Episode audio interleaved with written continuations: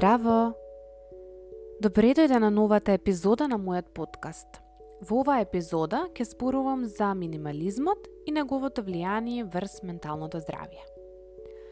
Минимализмот е начин на живот кој во последниве неколку години расте во однос на популарноста. Тоа не е нешто што е ново, но сметам дека зголемената употреба на интернетот го донесе да биде многу популарно и да помогне во секојдневното живење кај многумина.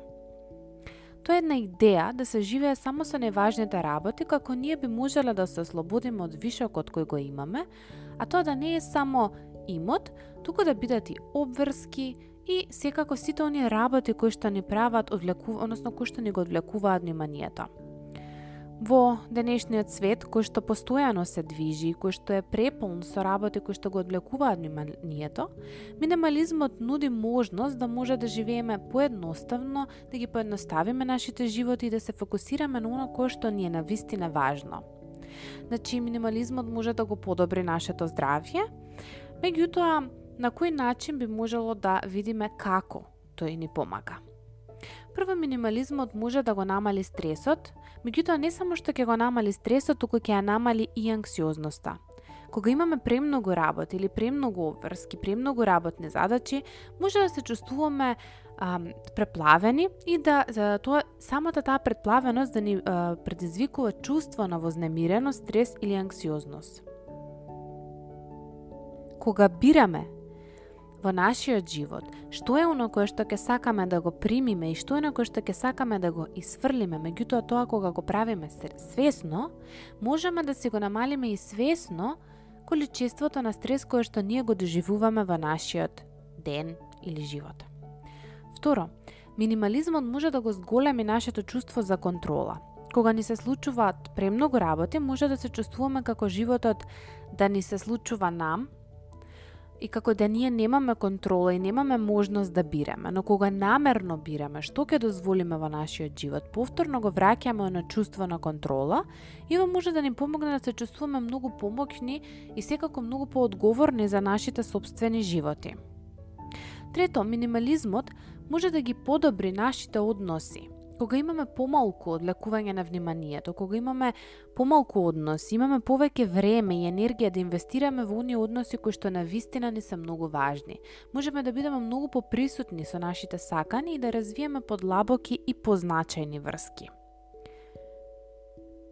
Тоа велат истражувањата на оваа тема, Постојат многу бројни истражувања кои што се правени од психолози во однос на минимализмот, минималистичкиот начин на живење и како истиот влијае врз нашата добросостојба. А, една студија пронашла дека луѓето кои што имаат поголемо ниво на материализам, што во суштина е обратно од минимализам, споделиле дека имаат многу пониско ниво на добросостојба и многу повисоко ниво на психолошки дистрес. Па ова е може би еден многу убав показател како материјалните материјалниот посет кој што го имаме може да не да ни го детерминира нашето ментално здравје. Едно друго истражување а, кое што пронашло дека 91% од оние кои што биле во самото истражување, споделиле да дека чувствуваат многу поголема контрола врз нивниот живот кога живеат, кога ќе го исфрлат нередот кој што ќе го имаат, односно кога ќе направат една чистка на работите. А 75% пак изјавиле дека се чувствуваат многу порелаксирано со помалку посет, односно со помалку работи кои што ги имаат. Понатаму има многу други истражувања кои што одат кон тоа дека луѓето кои што трошат пари на поскапи работи наместо на на некои на, на многу по, побројни, да кажам, посесии кои што ги имаат, исто така споделуваат многу повисоко ниво на среќа и добросостојба и позитивни емоции општо за животот, Додека а, повеќето луѓе кои што живеат минималистички исто така споделуваат дека се многу пострекни, односно дека се многу срекни во животот. Е сега нормално дека не, не секогаш значи ако сме минималисти дека ќе имаме повисоко повисок степен на среќа, Но јас секогаш сакам да споделам дека луѓето кои што имаат се и кои што можат да имаат се, најчесто се многу несрекни, односно многу почесто има депресија, онаму каде што луѓето може да имаат се отколку во оние земји кои што се во развој кај што и не може да имаат се, односно каде што се трудат да ги имаат повеќе, односно да ги стекнат, сами работете. Меѓутоа, мислам дека овие неколку истражувања се доволен показател дека минимализмот дефинитивно ни помага во менталното здравје, А јас би рекла дека оно што најмногу ни помага е затоа што ни го заштедува нашето време, направи многу попродуктивни и ни помага многу побрзо да носиме одлуки. Значи, кога имаме многу посет, кога имаме многу работи, ние имаме во текот на денот и многу а, одлуки кои што ќе мора да ги донесеме. Значи, што со тоа, што со тоа, што таму. Дефинитивно, сетете се дека понекогаш можеби, ако ништо друго, понекогаш можеби и во сон сонувате како чистите, како расчистувате или сетете се на последниот пат кога сте расчистувале домот. Колку убаво сте се чувствувале од како нештото ќе го исчистите. Колку пријатно се чувствувате кога ќе го отворите плакарот и кога сите облеки се подредени, кога секое посет кој што го имате си има собствено место. Исто така и со менталното здравје, но јас морам да нагласам дека ние не можеме да се одделиме од океанот, ние сме сакали или некеле во океанот, односно ние не можеме да се одделиме од околината, што значи дека ако сме риба во океанот, нели даваме на метафора да само ви долувам дека ние не можеме да се одделиме од нашето обкружување. И не можеме да живееме во хаос надвор, а да сме во о, мир внатре. Многу често ќе слушнете добросостојбата се гледа а, таа внатре се гледа и од надвор. Значи среденоста човек што ја чувствува, кога човек се чувствува средено, едноставно тоа блеска и се гледа надвор. Тоа не значи дека таа жена или личност ќе биде облечена во, во вакви или такви парчиња, меѓутоа ќе биде средена, ќе биде во склад со себе, ќе биде автентична. Едноставно ќе има некоја посебна посебно зрачење и посебна енергија која што ќе ја шири. И верувам дека ова е нешто кое што и вие сте го забележале и кај вас. Многу убава идеја е хиге, односно тоа е еден дански начин на живење каде што споделува да живе минимално, меѓутоа во тоа минимално секогаш носи работи кои што ти носат мир, спокој, љубов и задоволство.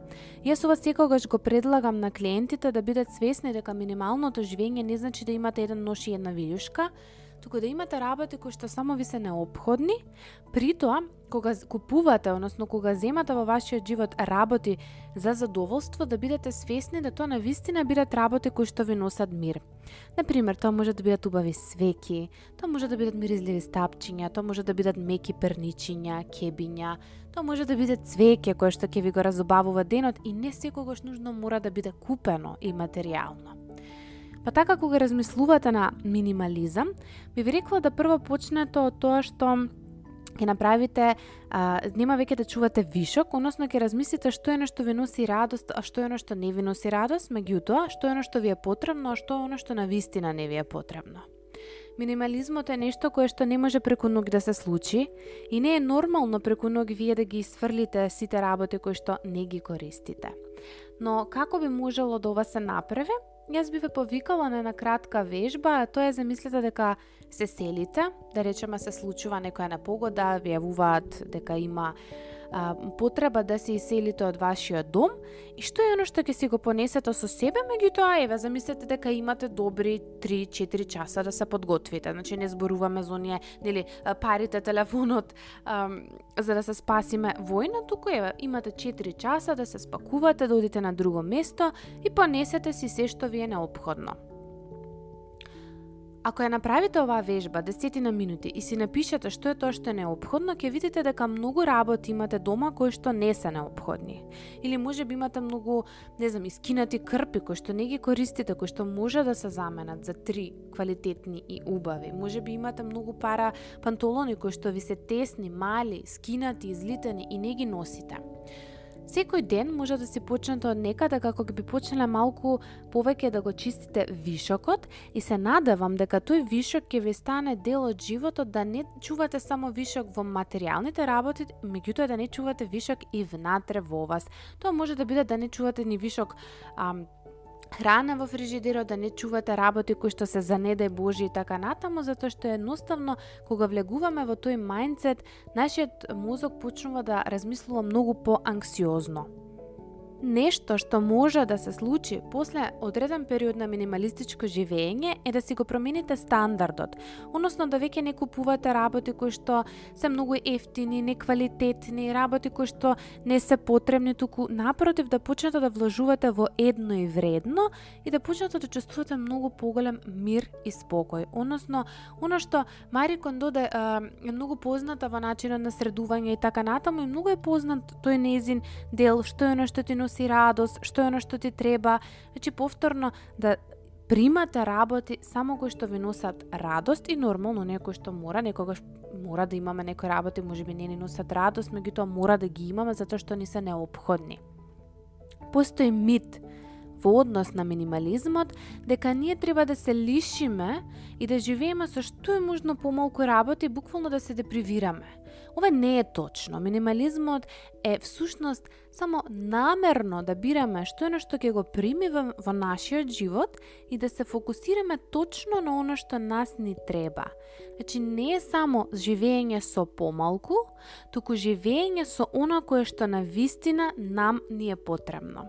И затоа доколку не се познавате добро себе си, доколку немате добра анализа и не сте во склад со вашето автентично живење, на автентичен начин на кој што живеете во овој момент тука и сега, бидејќи ние во текот на животот, во текот на неколку месеци постојано се менуваме и потребите не се менуваат, тогаш да почнете да живеете минимално, може би би ви било потешко. И јас би предложила да прво бидете во склад со себе, да видите точно што е оно што ви е потребно, а потоа да проверите кои работи може да ги сврлите, а кои работи може свесно и намерно да ги примите. Исто така, А нешто друго кое што минимализмот го носи како еден мит, е тоа дека само луѓето кои што имаат повисоки примања, односно кои што имаат некоја независност финансиска, може да го направат. Точно е дека финансиите даваат многу привилегии во однос на минимализмот, но не е точно дека само тоа е предуслов да се живее вака. Напротив, минимализмот дури може многу да ни заштеди и баш да не донесе до тоа да имаме многу поголема финансиска независност, затоа што ќе дадеме приоритет на оно што ни е важно.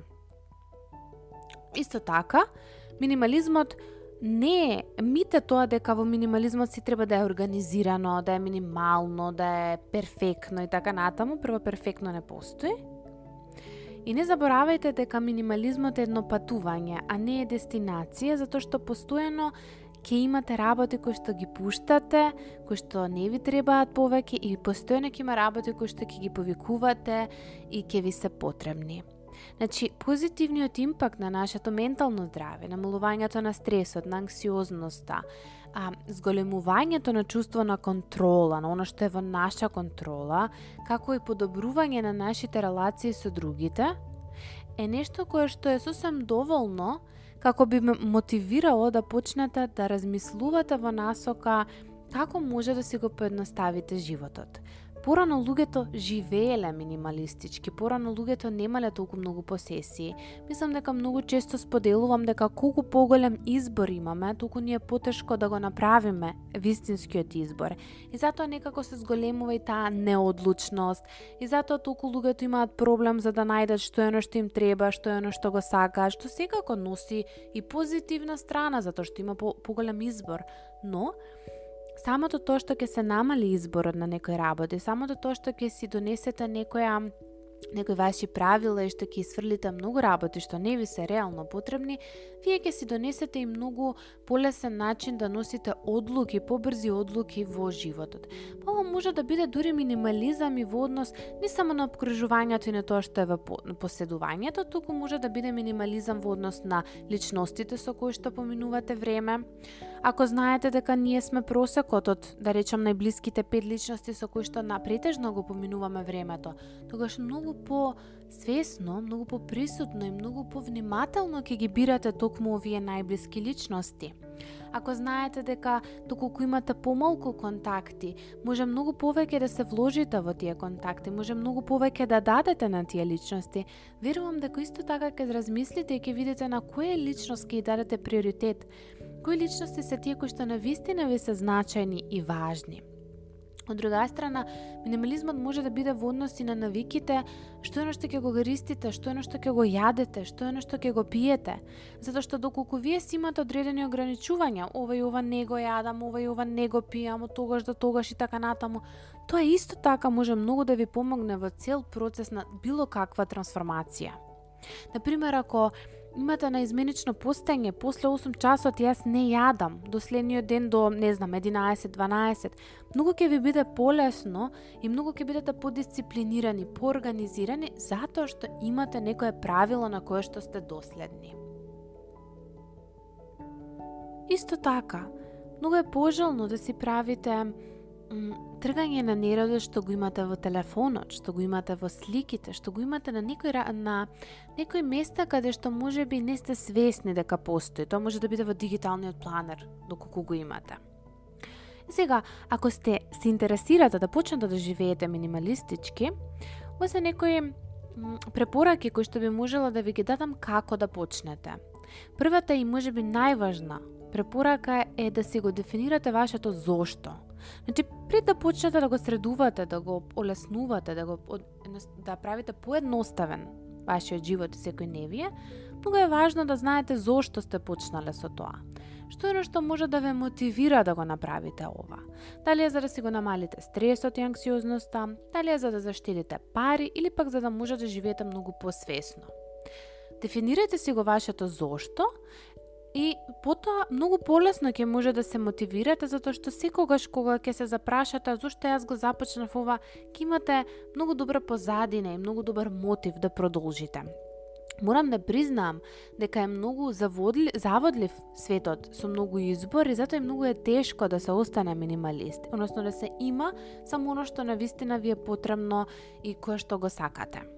И секако, минимализмот има скалила. Не мора да одите во некој екстрем па да имате гардеробер само мини, со минималистичка облека. Вие може да имате некое место каде што сте многу. Ако сакате мода, вие може да имате многу.